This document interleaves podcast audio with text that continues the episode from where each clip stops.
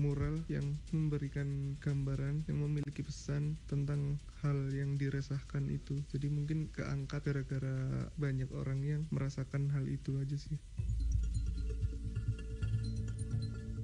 Para pelaku seni mural berharap ke depannya pemerintah maupun masyarakat Indonesia bisa lebih menghargai kesenian mural dan tidak mendiskreditkannya karena sebenarnya selalu ada pesan yang ingin disuarakan oleh para pelaku seni mural yang tidak dapat disampaikan secara lisan, namun dapat mereka salurkan melalui karya mereka.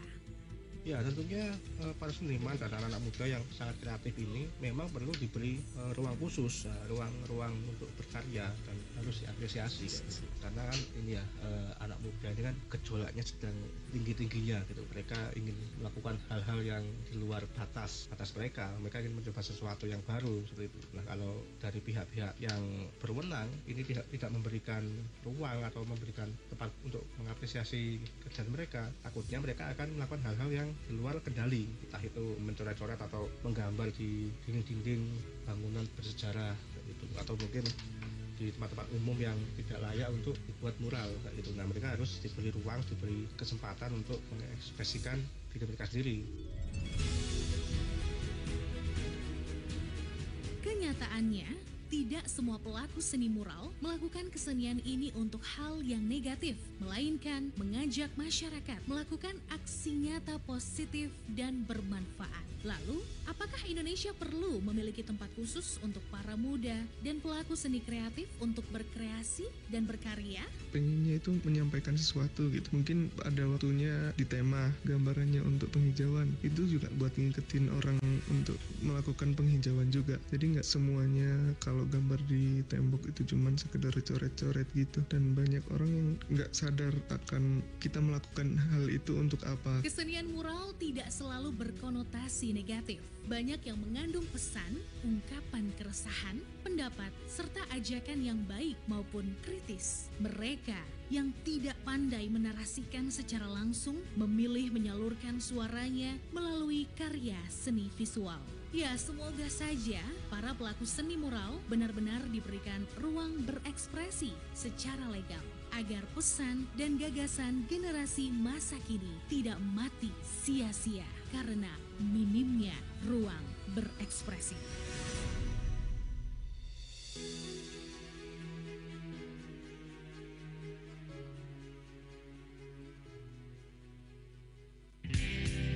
91,5 Pro 1 RRI Malang.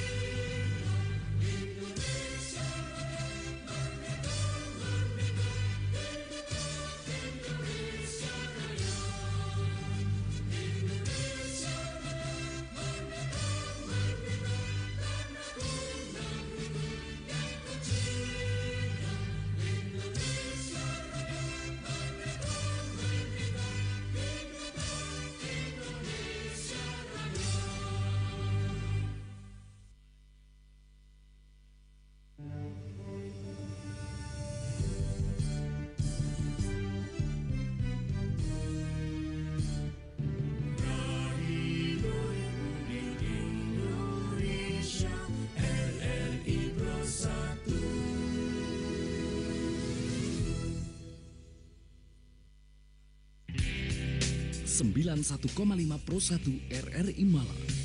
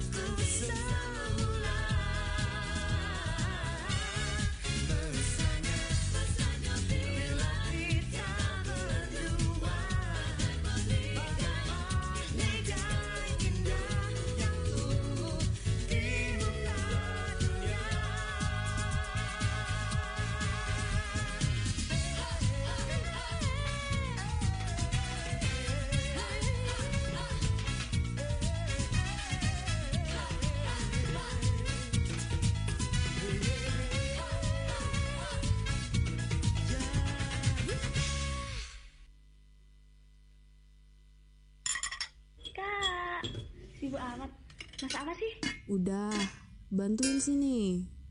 Ini masak segini banyak buat apa? Buat Sheila dan keluarganya. Ngapain kak? Kan mereka lagi isolasi gara-gara kena covid. Ya makanya itu, kita sebagai tetangga harus bantu dong. Berbagi makanan misalnya. Siapa lagi kalau bukan kita? Kan aku eh ketularan gimana coba? Punya masker kan? Pakai masker dan cantolin aja makanannya di pagar. Pulang antar makanan, kita mandi. Beres kan? Insya Allah segala kebaikan gak akan berbalik menjadi bahaya buat kita. Yang penting ikhlas. Kakak setia kawan juga ya ternyata. Tambah cakep kalau gini kakakku. Nanti aku juga minta ya makanannya. Muji-muji, ada maunya nih. Channel ini bisa didengarkan dengan kualitas audio lebih baik. Download aplikasi RRI Playgo di smartphone. RRI Playgo, satu aplikasi untuk mendengarkan RRI se-Indonesia. Siaran luar negeri, saluran musik Channel 5, menyaksikan siaran RRI yang divisualkan, RRI Net, informasi terakurat RRI Online, RRI 30 Detik, RRI Max, Beyond, dan editorial Pro 3. Selamat datang di era digital RRI. Kini, mendengar, menonton, dan membaca berita cukup di satu aplikasi. RRI Playgo.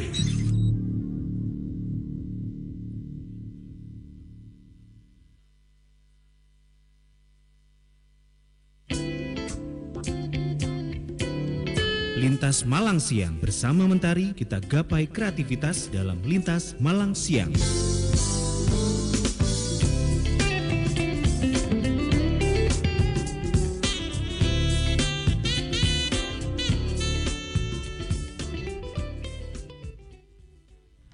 Kembali dari Geraha Siar Candi Panggung 58 Malang di FM 91,5 MHz Pro 1 Kanal Inspirasi. Lintas Malang siang menyapa Anda saudara Untuk hari Senin ini ya. Ini adalah Senin perdana di bulan Desember 6 Desember 2021 Saya Riza yang akan menyapa Anda Sampai jam 11 dalam dialog lintas Malang siang untuk hari ini. Kami akan membahas refleksi terkait tentang Hari Disabilitas Internasional yang diperingati pada tanggal 3 Desember 2021 yang lalu sedikit terlambat tapi semoga manfaat dan ilmunya nanti tidak ada kata terlambat begitu ya apa yang kita bagikan untuk Anda dalam lintas Malang siang ini. Dan untuk hari ini saudara kami akan berbincang bersama dengan para pakar ya yang juga akan hadir hingga pukul 11 waktu Indonesia Barat. Saya akan sapa dulu ada Bu Retno Andini Kesumawardani. Beliau dari Lembaga Pusat Pengembangan dan Pelatihan Anak Zero to Five. Bu Retno Andini, saya manggilnya Bu Retno apa Bu Andini? Panggil Bu Adin aja Bu Kak. Adin, Selamat siang, Assalamualaikum. Waalaikumsalam warahmatullahi Sehat ya? Alhamdulillah. Bu Adin, betul ya? Siap. Dan juga Bu Adin tidak sendirian saja, tapi untuk siang hari ini sudah hadir juga bersama kita konselor dan disability advisor di Pusat Studi dan Layanan Disabilitas PSLD UB, Bapak Tommy Hari Fernanda SPSI, MSI, MED, SPED. Ah, panjang sekali Masya Allah. Pak Tommy, selamat siang. Assalamualaikum. Waalaikumsalam, selamat siang juga Mbak Risa. Alhamdulillah sehat ya Pak Tommy. Alhamdulillah sehat, sehat. Alhamdulillah Bu Adin dan Pak Tommy. Siang hari ini kita akan membahas terkait tentang refleksi Hari Disabilitas Internasional yang 3 Desember eh, begitu ya dirayakan ya. Ya. Secara global dengan tema untuk siang hari ini sebentar ya Pak ya kepemimpinan dan partisipasi penyandang disabilitas menuju tatanan dunia yang inklusif, aksesibel, dan berkelanjutan pasca COVID-19.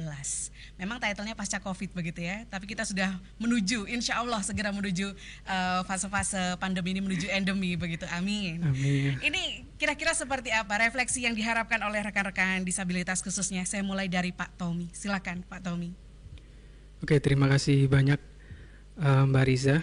Eh, mungkin sebelum saya mulai bicara ya, saya ingin mengucapkan juga selamat Hari Disabilitas Internasional eh, 2021 ya pada semua, em, terutama warga Kota Malang ya. Ya kalau terkait refleksi mungkin kalau sejauh ini ya kalau saya lihat perkembangan pergerakan disabilitas baik di Indonesia maupun terkhususnya di Kota Malang ini sudah sangat baik sekali gitu Mbak Riza. Jadi kita em, dari dulu ya saya saya seorang penyandang disabilitas netra gitu ya. Sejak kecil dan sampai saat ini tentu saya melewati banyak sekali hal yang mempersulit saya gitu. Eh, saya sangat-sangat kesulitan memperoleh akses ya. Em, bukan pada pendidikannya ya, karena kebetulan saya ini netranya low vision gitu ya. Kalau low vision tuh masih punya sisa penglihatan. Jadi kalau orang lihat saya itu mungkin nggak akan nyangka kalau saya ini seorang disabilitas netra gitu. Sehingga saya punya akses ke pendidikan, tapi saya tidak punya akses ke informasi. Jadi misalnya saya di kelas gitu, ya saya nggak bisa lihat papan, saya nggak punya teman untuk membantu saya gitu. Jadi saya harus berusaha sendiri seperti itu. Termasuk ketika saya masuk ke bangku kuliah, eh, saya sering gagal ya bahkan ya saya sempat bisa masuk di ITS Surabaya eh, 10 November namun gagal. Kemudian saya pindah lagi ke Stikom Surabaya gagal lagi dan akhirnya saya berakhir di eh, Universitas Merdeka Malang ya di Fakultas Psikologi. Nah, itu pertama kali saya mendapatkan gelar S1 saya kan di sana gitu. Nah sampai eh, saya mengenyam pendidikan S2 hingga S2 yang kedua saya di Australia. Nah itu itu tidak mudah gitu ya eh, buat saya selama saya menjadi disabilitas netra hingga saat eh, di Australia itu itu baru saya merasakan bagaimana rasanya inklusi di luar negeri itu.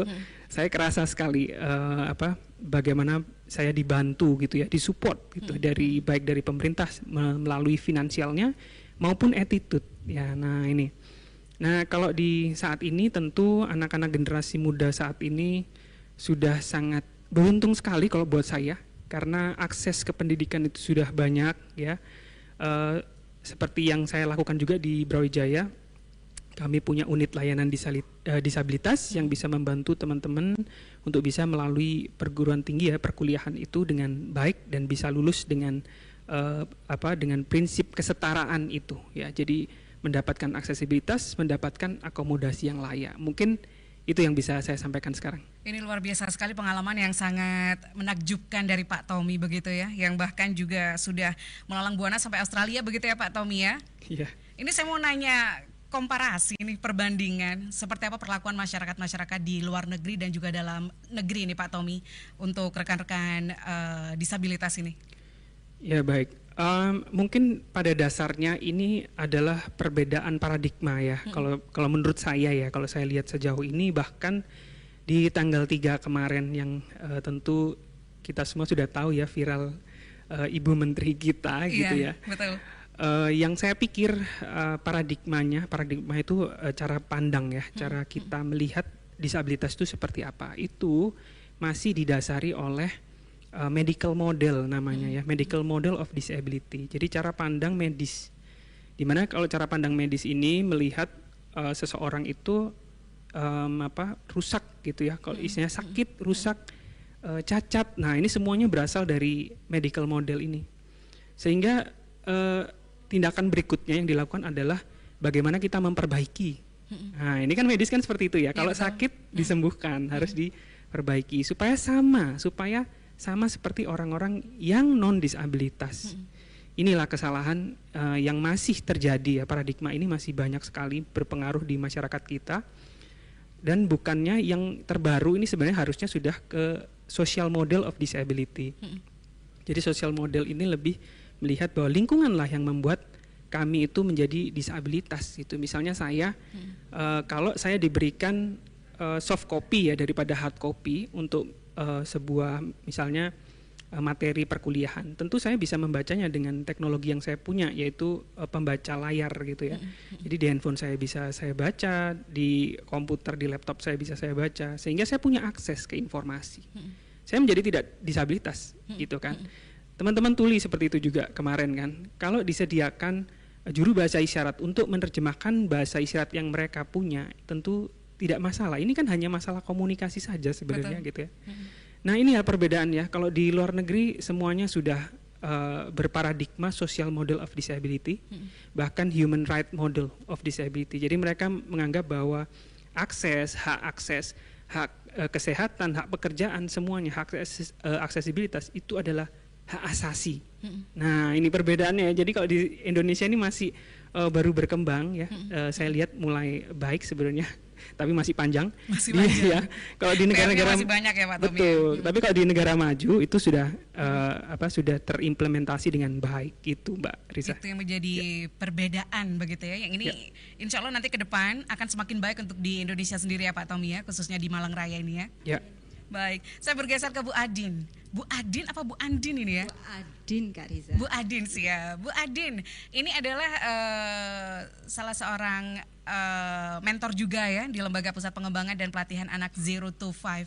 Ini kita kenalan dulu sama Zero to Five-nya nih, Bu Adin. Zero to Five ini apa begitu? Dan seperti apa visi misinya? Ya, baik Kak. Eh, Zero to Five itu sebenarnya Mohon maaf bisa sedikit dekat dengan mikrofon, iya, Bu. Adin ya. Zero to Five itu adalah lembaga pusat pengembangan. Sebenarnya hanya bukan hanya anak berkebutuhan khusus, tapi kebanyakan kok eh, ya itu tadi seperti yang dibilang. Jadi larinya kita semua banyakkan anak berkebutuhan khusus yang eh, minta dilatih karena eh, banyak orang tua yang berpikir bahwa bahwa eh, yang utama itu pendidikan formalitas yang sebenarnya kalau bagi bagi kami itu memang penting terutama untuk sosial mereka. Tapi kesiapan dia untuk menghadapi dunia formalitas pendidikan itu kan dibutuhkan juga. Jadi dikembangkan. Kalau memang eh, karena kan seperti yang kita ketahui kit- dibagi kan jadi ada yang disabilitas sensori mental ter, ya, ya itu kalau yang memang dia berkebutuhan khususnya dari mental mungkin kita bantu ke mana ya kak? Terus kalau yang sensori ya kita bantu dengan mengoptimalkan dengan aktivitas sensorinya Baik, kalau Pak Tommy tadi Bu Adin ya sudah menceritakan pengalaman pribadi dalam menjalani eh, hidup ini begitu ya dengan kondisi Pak Tommy saat ini. Kalau Bu Adin ini adalah salah seorang ibu dari putra begitukah Bu? Yang berkebutuhan Eh, khusus begitu iya, Bu Adin? kebetulan eh, alhamdulillah. Alhamdulillah. Ini kan anak istimewa begitu ya Bu Adin ya? istimewa. Yang Eh, kembali saya bilang ya seperti bilang kita jadi is- jadi tidak istimewa karena memang ya memang istimewa dia. Anak saya kebetulan eh, ADHD eh, attention deficit hyperactive disorder eh, walaupun begitu ya alhamdulillah sampai sekarang bisa karena yang dalam pikiran saya awal apa yang harus kita lakukan eh, untuk anak ini jangan down dulu gitu supaya minimal dia bisa percaya diri untuk menghadapi bahwa dia berbeda gitu.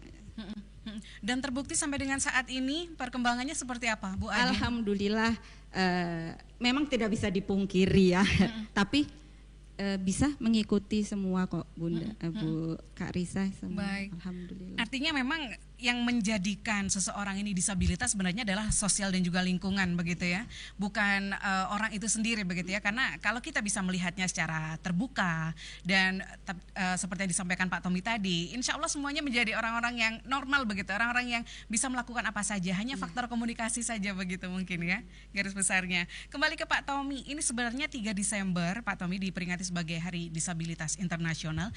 Ini sebenarnya ingin mengingatkan apa kepada masyarakat kita, Pak Tommy? Ya, kalau em, sebenarnya ini eh, dicetuskan oleh PBB ya, eh, Hari Disabilitas Internasional ini. Sebenarnya untuk mengingatkan lagi seperti tadi eh, hak tentang penyandang disabilitas itu gitu ya. Jadi eh, kembali ini sepertinya eh, PBB ini ingin sekali meningkatkan paradigma itu dari social model menjadi human right model ya. Jadi bagaimana kita harus mulai menghargai hak-hak penyandang disabilitas ya eh, di semua di seluruh dunia gitu ya. Tidak terkecuali di Indonesia em, di mana kita sebelumnya kita itu tidak punya akses tidak punya hak gitu. Jadi seperti yang terjadi misalnya bahkan sebenarnya mungkin sampai hari ini ya masih ada terjadi. Di mana anak mau sekolah gitu ya em, kemudian diketahui dia mengalami disabilitas ditolak. Kan gitu ini haknya kan tidak terpenuhi. Padahal menurut eh, pasal 31 Undang-Undang 45 aja kita semua warga negara berhak atas pendidikan kan gitu. Itu sudah ditulis di UUD 45 tetapi eh, sampai saat ini pun masih saja ada yang eh, mengabaikan hal-hal tersebut ya. Ini adalah pengabaian terhadap hak-hak penyandang disabilitas hak asasi manusia yang diabaikan begitu ya. Terutama karena mungkin kami dianggapnya ini kaum marginal gitu kan di eh, seluruh dunia mungkin eh, diperkirakan sekitar 800 juta saja gitu Eh, walaupun ini eh, kelompok marginal terbesar di dunia sebenarnya. Dan hampir tiga perempatnya ini ada di negara-negara berkembang. Jadi termasuk di Indonesia ya. Nah ini banyak sekali. Kalau kita mau pakai data itu eh, masih berapa persen ya yang punya eh, apa itu akses ke pendidikan. Dan kalau setahu saya di perguruan tinggi saja ini masih dua dua persenan ya. Bahkan yang kalau seperti saya setingkat S2, S3 itu masih 0,0 sekian gitu. Jadi Baik. jauh sekali. Heeh. Jauh ya, Jauh. artinya ini perlu terus diingatkan kepada masyarakat kita kesadaran tentang hak-hak dari para rekan-rekan disabilitas dengan peringatan ini yang dilakukan setiap tahun sekali begitu ya Pak ya. Baik, Malang beberapa waktu yang lalu khususnya Kota Malang begitu menyatakan diri sebagai salah satu kota inklusif begitu Pak Tommy. Ini kira-kira apakah sudah cukup memadai? Apakah sampai saat ini menurut pengamatan Anda apakah sudah sesuai dengan eh, cita-cita menjadi Malang kota inklusi? Ini udah ketawa dulu Ya. nih Pak Tommy nih. kayaknya PR lagi nih kayaknya nih. Eh, saya nanti nggak dimarahin kan ini boleh Ini sharing nih Pak, kita sharing aja ya. jujur atau harus bagaimana ya Eh, kalau menurut saya eh, kalau dari data eh, yang pernah dilakukan ya ini men- menurut penelitian yang dilakukan nanti boleh dicek di Google itu ada penelitian dilakukan oleh kolega saya eh, Mas Slamet Tohari namanya Eh, penelitiannya tentang aksesibilitas dan fasilitas yang ada di eh, Kota Malang gitu ya. Jadi untuk penyandang disabilitas. Nah sayang sekali di sana angka-angkanya masih sangat tinggi sekali ya. Contoh eh, untuk eh, instansi pemerintah itu hanya sekitar berapa persen ya? Eh, Empat persenan gitu ya. Itu yang kurang aksesibel gitu ya. Kurang ya, kurang aksesibel. Dan sisanya itu tidak aksesibel gitu ya. Gitu. Jadi itu kalau nggak salah ada eh, berapa ya? 125 lokasi ya. Te- eh, kemudian termasuk swasta dan juga pemerintah. Masih banyak ya akses- kalau ini baru kita ngomong tentang aksesibilitas. Ya jadi ada misalnya toilet khusus penyandang disabilitas. Sudah ada belum gitu kan. Kemudian bidang miring. Ya kalau misalnya banyak di sini banyak gedung-gedung gitu apakah sudah di eh, apa dilengkapi dengan bidang miring atau rem? Kemudian guiding block. Nah itu di mana? Apakah sudah ada? Ada memang betul. Kita punya guiding block terutama kayak eh, kebetulan daerah rumah orang tua saya itu ada di daerah Ijen ya. Jadi kebetulan di belakangnya itu rumah saya di rumah orang tua saya di Jalan Panderman ya. Jadi di belakangnya itu kan Jalan Ijen. Nah di situ sudah dilengkapi dengan eh, guiding block gitu ya. Tapi karena tidak melibatkan ini kalau kita ngomong soal partisipasi ya sayang sekali ini. Partisipasi ini kurang gitu ya. Partisipasi penyandang disabilitas dalam merencanakan pembangunan di Kota Malang. Ya ini mungkin semoga uh, pemerintah juga mendengar ini ya. Jadi partisipasi itu bukan hanya pada uh, tingkatan evaluasi ya. Kalau kita lihat yang PP 70 tahun 2019 ya uh, di sana ada perencanaan uh, uh, pemenuhan dan juga evaluasi gitu ya. Nah di situ uh, eh, apa kita harus me- memulai ke apa itu untuk melibatkan penyandang disabilitas itu sejak dari perencanaan gitu. Jadi kita dilibatkan dalam segala hal termasuk dalam merencanakan pembangunan di kota Malang nah ini bisa kemudian ke berbagai sektor ya kita sudah mulai harus berubah bukan hanya pada sektor sosial saja ya ini bukan tugasnya departemen sosial eh, kementerian sosial dinas sosial bukan tetapi sekarang sudah mulai multisektoral. Jadi di ekonomi iya, di pendidikan iya, di keagamaan iya gitu. Tingkat desa iya, semua semua sektor itu sudah termasuk dalam isu disabilitas. Sehingga dalam pendidikan kita pendidikan inklusi, ya kan. Dalam pekerjaan ketenaga kerjaan juga harus inklusi gitu. Kesehatan gimana? Kesehatan juga inklusi. Kita punya eh, apa Puskesmas Janti ya eh, yang eh, menjadi salah satu rujukan salah satu eh, puskesmas yang aksesibel begitu sangat baik sekali namun perlu ditingkatkan lagi Eh, tapi overall kalau saya bilang kita PR-nya masih panjang mbak gitu. Padahal pencanangan Malang sebagai kota inklusif ini sudah kurang lebih 5 sampai 6 tahun yang lalu begitu ya Pak Tommy ya. Tapi Betul. PR-nya masih eh, luar biasa panjang perjalanannya begitu ya. karena tidak melibatkan tadi kalau saya bilang Baik, baik.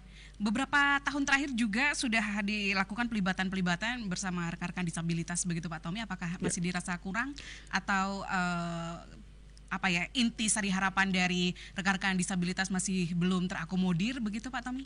Ya, itu tadi saya pikir belum gitu ya. Jadi kita memang dilibatkan gitu. Kita ada musrenbang loh di di Kota Malang ini ya, musrenbang yang eh, tema disabilitas itu ada. Tapi itu semua em, apa?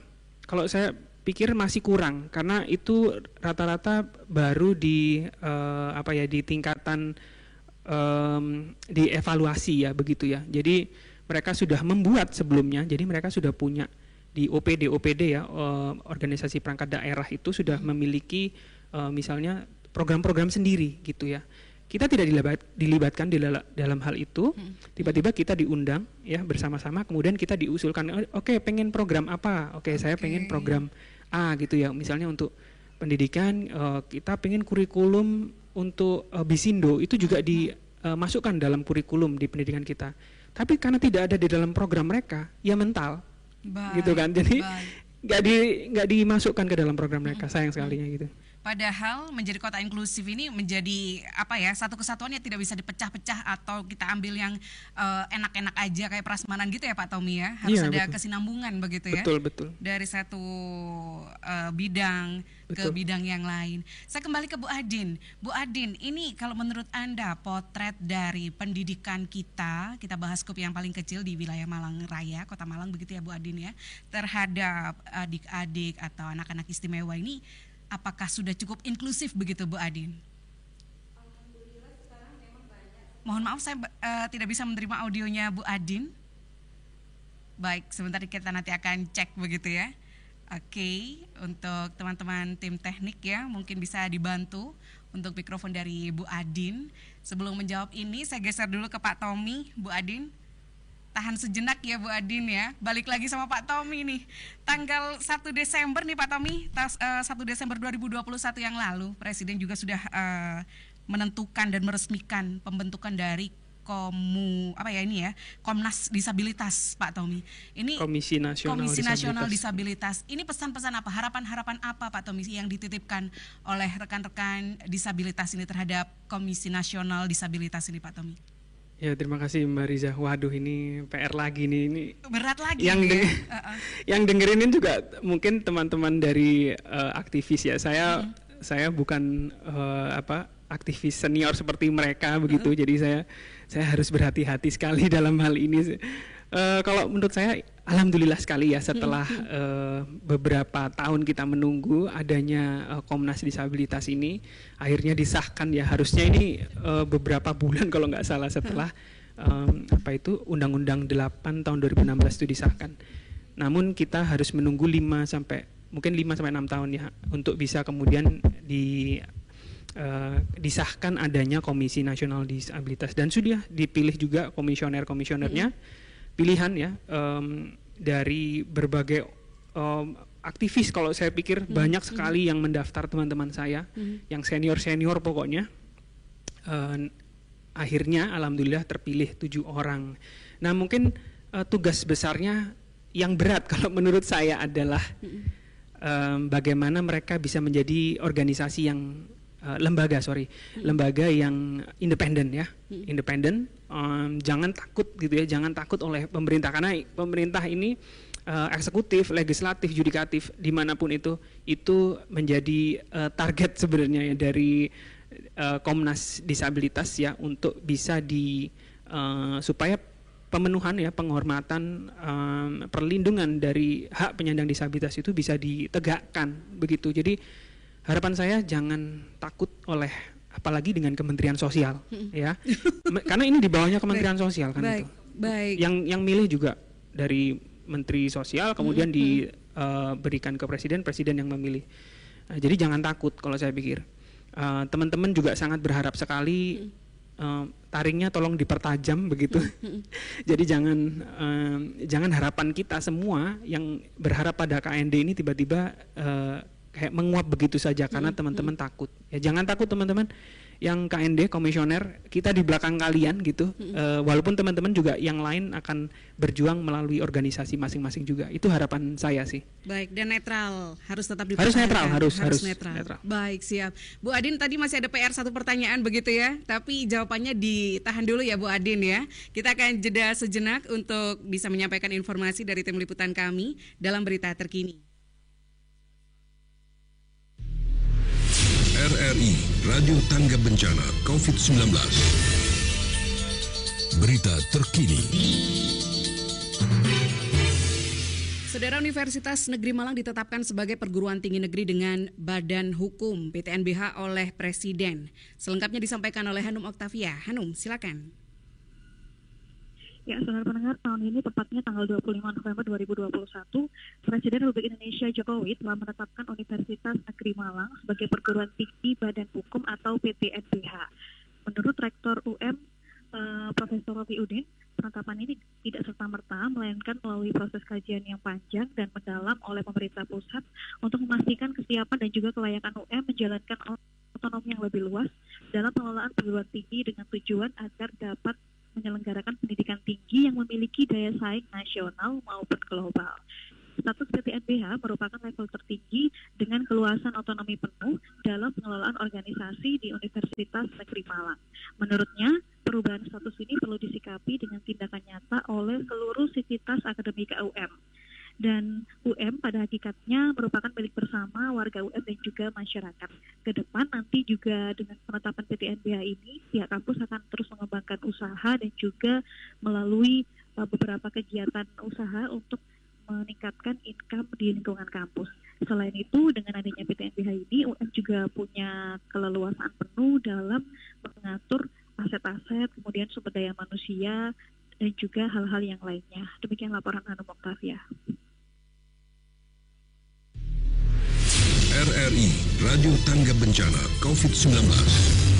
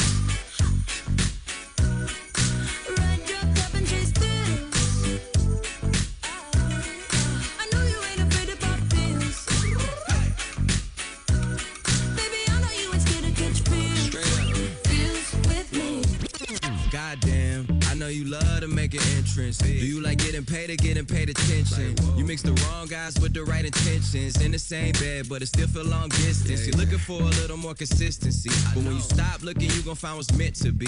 And honestly, I'm way too done with the hoes. I cut off all my exes for your X and O's. I feel my old flings was just preparing me. When I say I want you, say it back, parakeet. Fly your first class through the air, Airbnb. I'm the best you had. You just be comparing me to me. I'ma add this at you. If I put you on my phone and upload it, it'll get maximum views. I came through in the clutch more than lipsticks and phones. Faith cologne, just to get you along.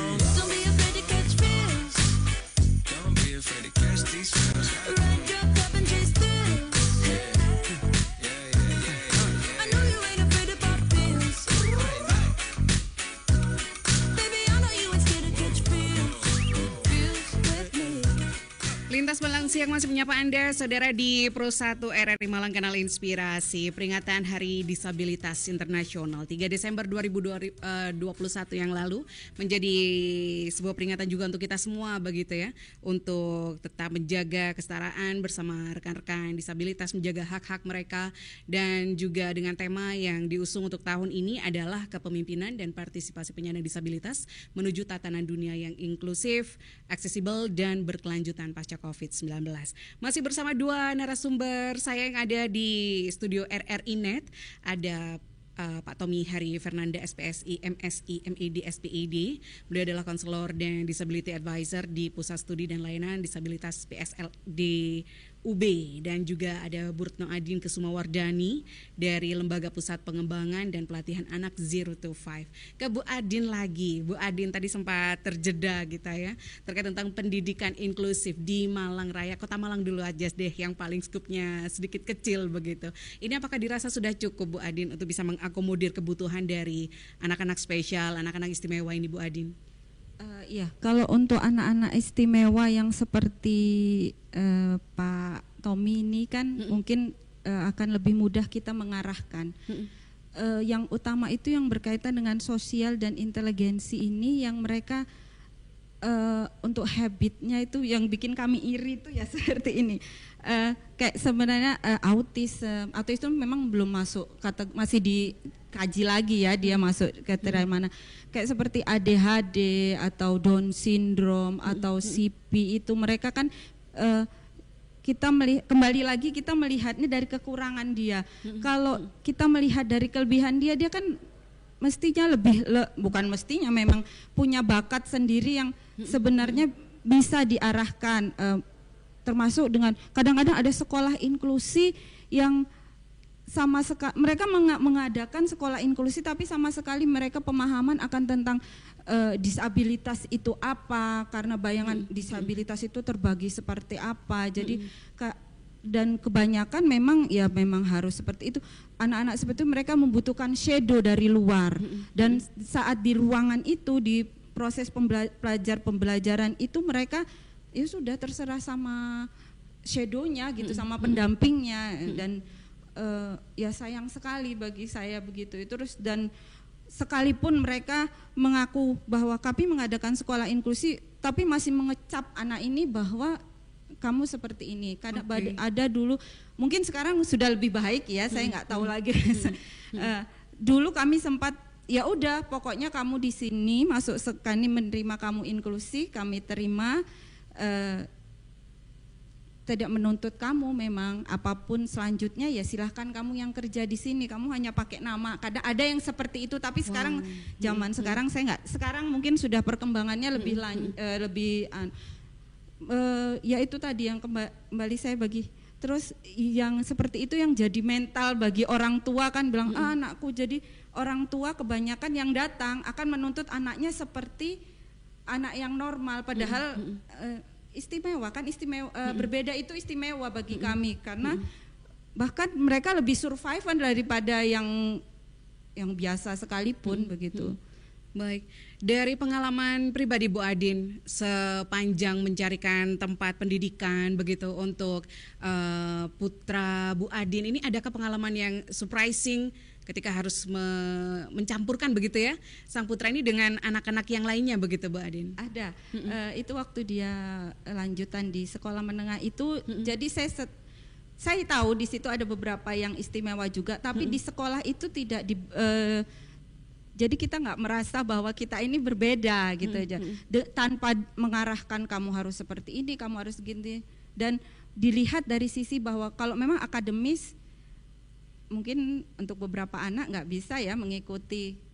Kembali lagi ke gurunya ya pengajar yang menguasai itu mampu nggak dia eh, cara memahami cara belajar anak itu? Dia anak itu harus belajar kan kadang-kadang guru yang harus visi kamu harus lihat "Ai, saya perhatikan saya banyak sekali seperti itu. Dan anak dituntut untuk patuh. Kalau di sekolah itu dia jadi dia survive sendiri jadi diarahkan kalau memang di akademik sebenarnya dia mampu cuma mungkin dia tidak bisa mengikuti temannya kalau teman-teman yang lain satu langkah dia mungkin sebenarnya kalau dikejar bisa sih. Tapi bisa menggali keahlian dia yang lain kemampuan dia lain di bidang apa. Mungkin dia di bidang eh, bela diri Hmm, atau gerak karena geraknya dioptimalkan kearahkan di sini dan dikembangkan.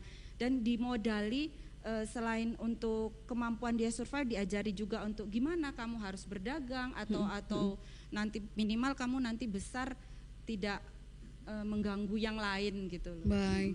Eh, Maunya sih sekolah vokasional lebih banyak untuk di di Malang itu harapan saya seperti itu. Baik, Pak Tommy, dari pengalaman Bu Adin baru saja ini sebenarnya apakah ada data begitu persentase sekolah inklusif ini harus menerima siswa-siswa berkebutuhan khusus ini apakah sudah terpenuhi? Kemudian hanya apakah memang benar hanya sebatas labeling saja? Oke sekolah adalah sekolah inklusif tapi penerapannya sebenarnya masih eh, lagi-lagi banyak PR begitu Pak Tommy oke. Baik, sebentar kami kurang bisa menangkap audio dari Pak Tommy. Mungkin teman-teman dari teknik bisa untuk ngecek kembali ya untuk mikrofon dari Pak Tommy ya. Baik, untuk Bu Adin, kita ngomong tentang pendidikan lagi Bu Adin. Tantangan dari anak-anak istimewa ini dalam proses pembelajaran ini kan juga luar biasa Bu Adin ya.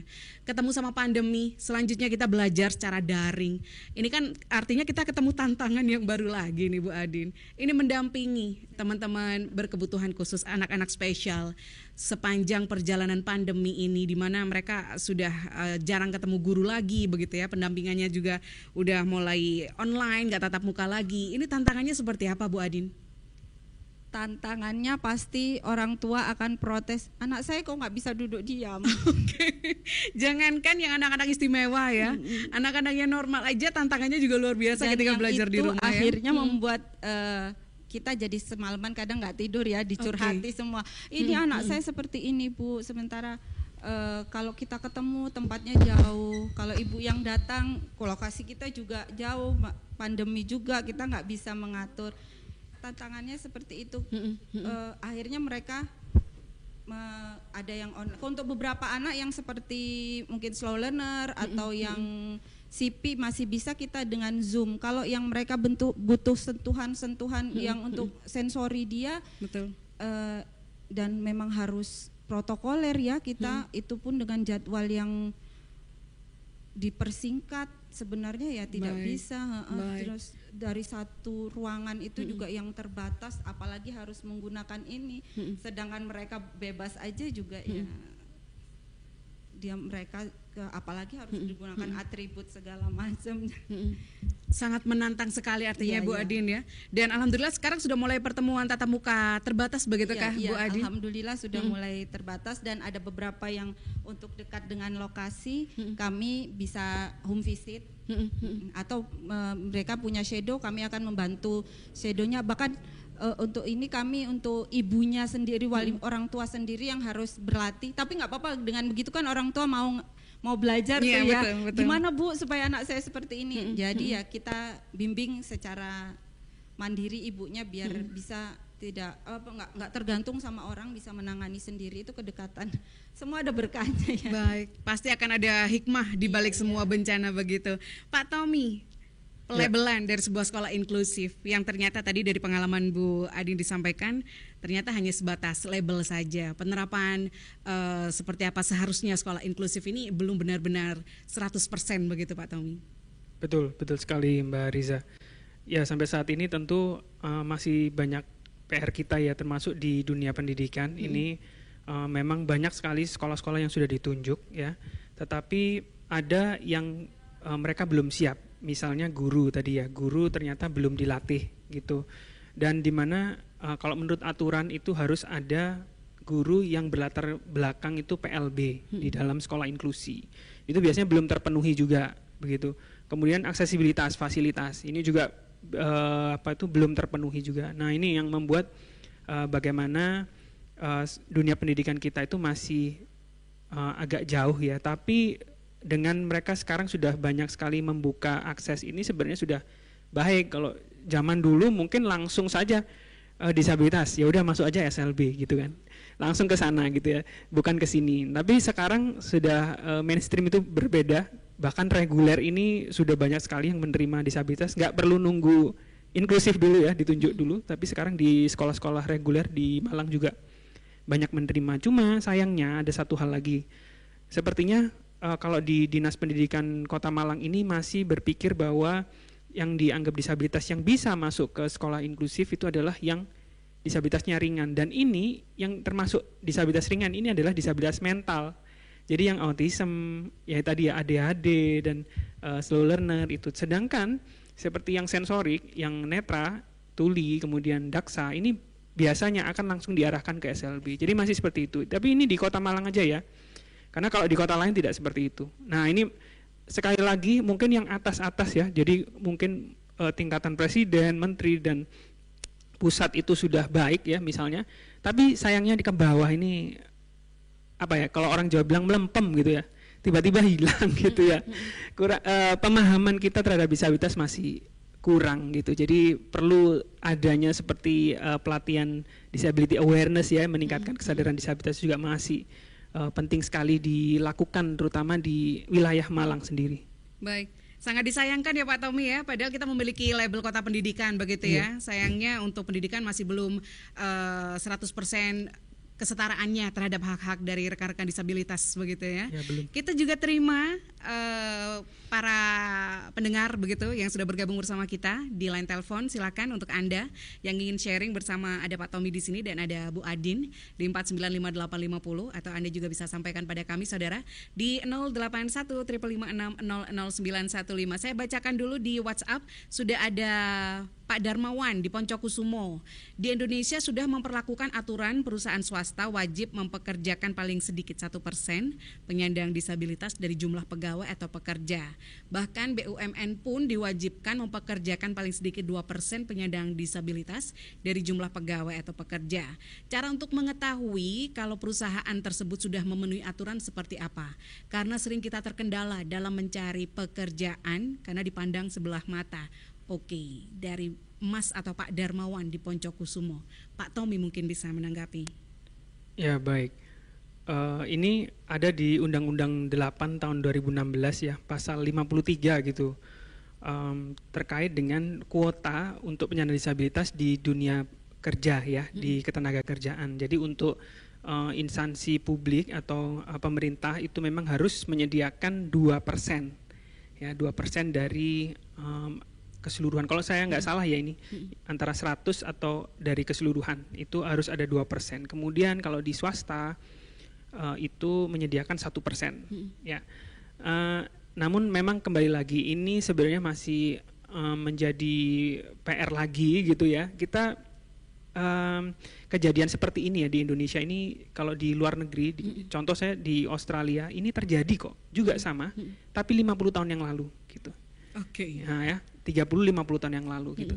Nah, di Indonesia baru karena kita negara berkembang ya. Otomatis hal-hal seperti ini perlu eh, terus kita eh, perjuangkan ya supaya hak-hak penyandang disabilitas terutama di hak pekerjaan ini bisa dipenuhi begitu. Nah, kalau bagaimana cara eh, mengetahuinya apakah perusahaan itu eh, apa sudah aksesibel atau belum. Nah, kemarin ini saya banyak sekali sebenarnya webinar-webinar gitu ya kalau di masa ini itu kemarin tentang eh, bagaimana Apindo itu sudah memfasilitasi tentang eh, bursa kerja yang inklusif seperti, seperti itu. Dan sebenarnya sudah mulai banyak gitu ya. Perusahaan-perusahaan yang mulai terbuka untuk eh, memasukkan disabilitas ke dalam perusahaan mereka. Ini tapi sayangnya ya. Sayang sayang sekali tidak dipersiapkan. Nah ini gitu ya. Mereka Oke. mereka sudah buka ya tapi yang masuk misalnya eh, mereka buka untuk eh, apa perlu profesional di ilmu komputer misalnya. Tapi yang masuk lulusan SMA lulusan SMP ini bagaimana Tristan Baik. Ya kan? Siap. Ini sepertinya menyambung pertanyaan dari ada yang bergabung bersama kita kembali Pak Tommy dari Tumpang, ada Pak Thomas Yudhistira. Menjadi penyandang disabilitas paham benar sulitnya mendapatkan kesempatan kerja karena banyak perusahaan di- atau tempat usaha yang masih memandang sebelah mata. Masih serupa ya ini ya. Ya. Tapi pertanyaannya adalah yang juga meragukan kemampuan penyandang disabilitas untuk bekerja secara mandiri juga terkendala modal. Apakah ada pelatihan-pelatihan khusus bagi orang-orang seperti kami? Ini terjawab sepertinya oleh Pak Tommy tadi. Masih kurang begitu ya Pak Tommy ya? Ya kurang tapi ada. Ada. Ada. baik. Eh, dan silakan teman-teman ya em, penyandang disabilitas yang ada di Kota Malang, tolong juga em, harus aktif ya, jangan menunggu, harus proaktif untuk cari informasi ya. Kita sebenarnya ini sudah banyak sekali kesempatan-kesempatan. Contoh saya kemarin ini juga em, apa ya mendapatkan bantuan dari pemerintah Australia untuk membuat sebuah program pelatihan untuk disabilitas netra tapi kebetulan saya Eh, dan ini un- eh, temanya tentang kewirausahaan digital. Jadi saya ingin meningkatkan keterampilan teman-teman disabilitas netra yang rata-rata ini menjadi terapis pijat gitu ya. Uh, dan saat COVID mereka mengalami dampak yang cukup besar. Nah, saya berikan alternatif yaitu uh, menjadi seorang wirausaha tapi melalui digital sehingga mereka tidak perlu ke mana-mana. Nah, tapi sayangnya mungkin informasi ini tidak tersebar luas gitu ya, Uh, sehingga banyak sekali masih teman-teman yang mempertanyakan apakah ada pelatihan, apakah ada uh, apa itu, misalnya seminar-seminar ada banyak sekali ya, Ha- tapi harus aktif ya. Jadi jangan kita sebagai disabilitas menunggu, harus proaktif. Harus proaktif karena sudah banyak tersedia begitu di sekitar kita ya Pak Tommy ya. Betul. Baik, saya bacakan kembali ada Bu Maimun di Gribik. Tanya Bun, ini mungkin buat Bu Adin ya. Kalau di sekolah punya murid yang semuanya tertinggal dari teman-temannya, terus sikap jalan dan ngomongnya juga sedikit berbeda, dianggap spesial oleh semua guru dan orang tuanya pun diarahkan untuk memberikan perhatian khusus dengan menyekolahkan ke sekolah yang menampung anak berkebutuhan khusus. Tapi orang tuanya menganggap biasa-biasa saja. Bagaimana cara menyikapinya ya Bun? Akhirnya selalu berulah ke teman-temannya. Eh, ya, memang kalau punya anak kebutuhan khusus ini kembali ke orang tua bisa menerima atau tidak Baik. keadaan anaknya. Eh, sebenarnya mungkin dia eh, tahu, mungkin mereka tahu, tapi masalahnya kembali ke nggak terima dan mereka belum siap bahwa eh, aku dapat anugerah yang seperti ini. Sebenarnya kalau ibunya mau aktif ya kita sudah banyak sekarang komunitas ada parent support group itu sekarang sudah banyak. Eh, misalnya di Malang ini ada sahabat autisme Malang parent support groupnya. Eh, eh, terus eh, pendekatan kembali kepada orang tua. Memang untuk yang hal seperti ini yang terutama kita harus menguatkan mental dulu karena pasti kita akan terlihat aneh dan eh, kalau kita membuka diri untuk anak-anak yang anak-anak kita untuk itu bukan untuk hanya untuk kita memang. Kalau seperti itu sebaiknya kita eh, berkomunikasi dengan seseorang yang didengar oleh wali murid tersebut kalau kita yang ngomong jelas ah ibu Oke. pasti nggak Oke. Ah, ah, bisa mungkin kita panggil Hmm. biasanya Hmm. kalau gitu kami akan berbicara dengan yang berpengaruh yang akan didengar Hmm, oleh hmm. ibu tersebut biasanya kakeknya atau orang biasa mereka ikut pengajian atau gurunya yang akan menjelaskan seperti itu memang itu tantangan juga bagi kita Baik. Jadi ada juga kasus-kasus demikian begitu Bu Sering. Adin. Di mana orang tua masih kurang menyadari kondisi keistimewaan dari putra-putrinya begitu ya. Ada dua hal, eh, maaf ya Kak Risa, ada Silakan. dua cara orang menyikapi ketika mereka mempunyai anak berkebutuhan khusus. Ada yang bingung, mendenial, tapi tetap mencari seperti saya dulu. Mas, enggak enggak, tapi saya berusaha mencari. Kalau saya mendenial terus, apa yang terjadi dengan anak-anak? Sampai saat ini pun kalau dibilang kalau oh, kita nggak ada keturunan begitu, nggak ada pedal itu kan bukan dari seperti itu. Ada yang dua yang "Ma, enggak enggak anakku enggak apa-apa kok buktinya sama aku bisa komunikasi karena itu pemahaman kembali ke pemahaman orang tua tentang perkembangan anaknya. Baik. Untuk bisa memberi pengertian dan mengedukasi masyarakat kita, Bu Adin, ketika eh, terjadi kondisi demikian agar segera apa ya kalau kita ngomong itu kayak early warning sistemnya Segera gitu, segera betul. Buruan bangun ini kondisinya harus segera diatasi agar tidak terjadi keterlambatan yang merugikan si anak sendiri ini Bu Adin. Eh, kalau saya lihat di beberapa daerah itu eh, sudah mulai aktif ya dengan pokja-pokjanya itu. Ada yang mengadakan penyuluhan atau biasanya ada eh, masuk masuk dari pengajian. Kalau kemarin itu saya di Wun- apa apa Aisyah Wunut Sari itu sudah ada ka- mereka welcome. Ayo apa sih pengertian uh, anak disabilitas itu apa? Mereka sudah ada. Terus ada yang ditumpang itu juga dulu pernah ada juga manggil. Memang kembali lagi Kak Risa itu Mm, SDM-nya juga yang dan dari dari kayak Pokja itu dari lebih mementingkan keahlian untuk mendapatkan eh, income ya daripada pemahaman tentang kenapa sih anakku seperti ini gitu. Ya beberapa daerah kayak di situ eh, sudah ada PAUD. PAUD itu kan juga akan bisa mem- memis- cara mereka mengenalkan untuk anak-anak yang berkebutuhan khusus itu. Baik, harus ada kesadaran dari seluruh Iya. pihak ya dan support ya Bu Adin ya, Iya. yang menjadi hal penting support, Support dari dari masyarakat sekitar iya. dan lingkungan. Baik. Pembahasan terkait tentang disabilitas tentu saja satu jam ini nggak akan cukup begitu ya, karena masih banyak PR yang harus eh, harusnya segera diselesaikan begitu ya, agar karena disabilitas bisa benar-benar merasakan kesetaraan sebagai masyarakat. Pak Tommy, pesannya Pak Tommy dengan tema untuk peringatan Hari Disabilitas Internasional tahun ini, silakan. Ya, eh, kalau terkait tema, eh, yang pasti betul sekali partisipasi itu yang saat ini memang menjadi PR kita gitu ya. Bagaimana kita mendukung ya notion atau gagasan dari eh, Inggris ya dari UK itu, yaitu nothing for us without us. Jadi tidak ada sesuatu yang untuk kami itu tanpa kami gitu. Inilah prinsip eh, apa partisipasi itu, di mana ketika penyandang disabilitas itu sudah dilibatkan dalam membuat kebijakan gitu kan, dalam pelaksanaan, dalam perencanaan, dalam evaluasi, insya Allah eh, semuanya juga tidak akan ada yang protes kalau menurut saya gitu ya, karena semuanya sudah seperti yang kita inginkan juga sesuai dengan kebutuhan-kebutuhan kita. Nah ini yang eh, saya harapkan dari pemerintah, teru- terutama kepemimpinan ya juga harus eh, pemimpin para pemimpin ini memiliki kesadaran disabilitas yang baik pula sehingga eh, untuk membuat kebijakan atau eh, pelaksanaannya bahkan implementasi itu juga akan sesuai dengan prinsip-prinsip baik aksesibilitas, akomodasi layak, eh, prinsip-prinsip inklusif itu semua akan eh, terpenuhi begitu. Baik, Bu Adin, silahkan. Harapan dan keinginannya untuk peringatan Hari Disabilitas Internasional tahun ini. eh, adanya pemba- pe- pemahaman ya pengajar apa apa ya nama pelatihan untuk kita memahami tentang apa itu as- disabilitas dan pemahaman bahwa eh, mereka bisa berbuat ya bisa bisa bisa bermanfaat bisa menghasilkan hal sesuatu bila kita dukung dengan ya tidak memandang kekurangannya tapi memandangkan dia mereka punya kelebihan. Baik, agar tidak dipandang lagi sebelah mata begitu Iya. Bu Adin ya. SDM-nya ditingkatkan.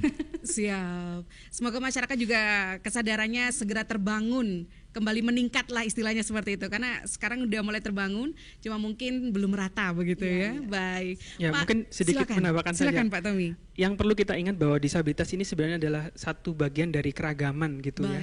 Jadi sama saja seperti kita melihat seseorang dari eh, berbeda ras, berbeda mm, agama gitu. Termasuk disabilitas itu bagian dari kita juga. Eh, Indonesia yang sudah punya semboyan Bhinneka Tunggal Ika harusnya harusnya ini mudah sekali ya untuk bisa menerima perbedaan ini. Baik. Gitu sih.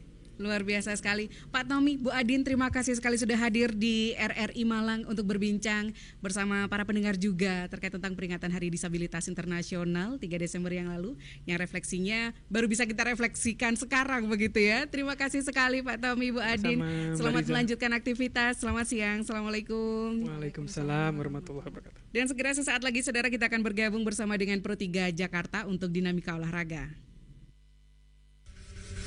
Channel ini bisa didengarkan dengan kualitas audio lebih baik.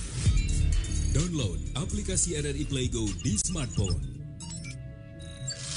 RRI Playgo, satu aplikasi untuk mendengarkan RRI se-Indonesia, siaran luar negeri, saluran musik Channel 5, menyaksikan siaran RRI yang divisualkan, RRI Net, informasi terakurat RRI Online, RRI 30 Detik, RRI Max, Beyond, dan editorial Pro 3. Selamat datang di era digital RRI. Kini, mendengar, menonton, dan membaca berita cukup di satu aplikasi. RRI Playgo.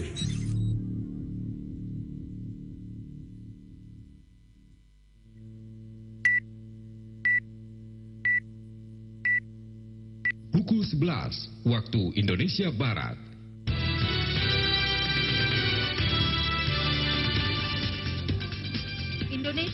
Tambah 3 emas, 2 perak, 1 perunggu pada Asian Youth Para Games 2021. Raih runner-up BWF World Tour Finals 2021, Indonesia sukses sebagai tuan rumah festival